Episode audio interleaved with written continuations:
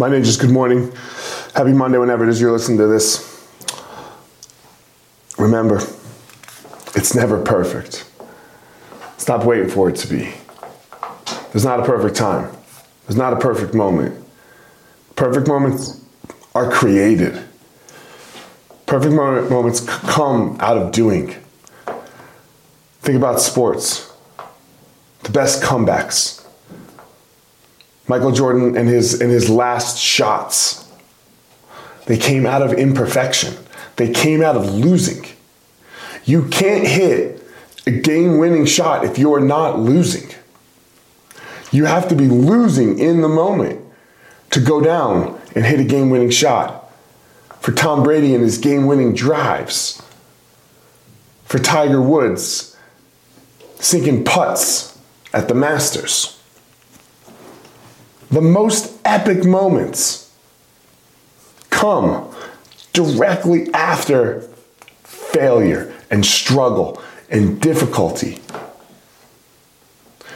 They're manifested out of doing, out of trying, out of attempting, not waiting.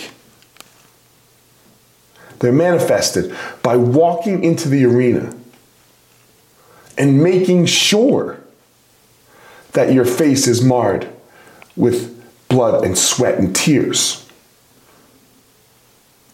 That is how you find perfection.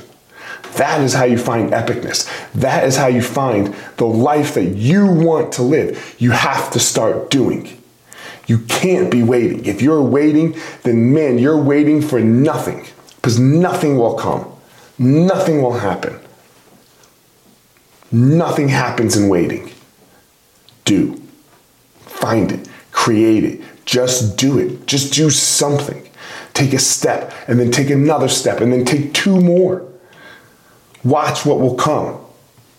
I don't know that it will be perfection. I don't know that you'll be Michael Jordan. I can't promise anyone that. I'm not. So I, I have no clue on what that's actually like.